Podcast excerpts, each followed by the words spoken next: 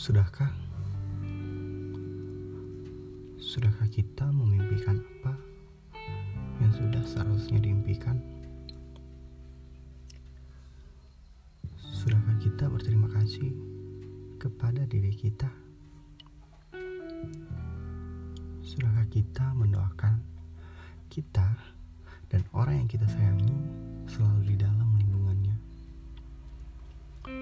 Sudahkah kita berterima kasih selalu ada untuk kita?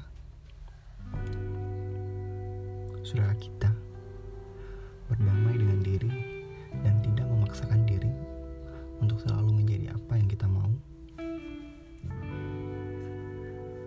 Sudahkah kita berterima kasih kepada orang-orang yang selalu membantu dengan ikhlas dan tulus kepada kita? Sudahkah kita mengikhlaskan kepergian kita cintai dan kita sayangi yang pergi untuk selama-lamanya?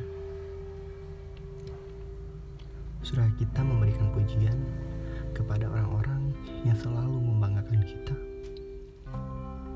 Sudahkah kita berterima kasih kepada Tuhan atas apa yang sudah Dia berikan kepada kita? Terkadang kita suka lupa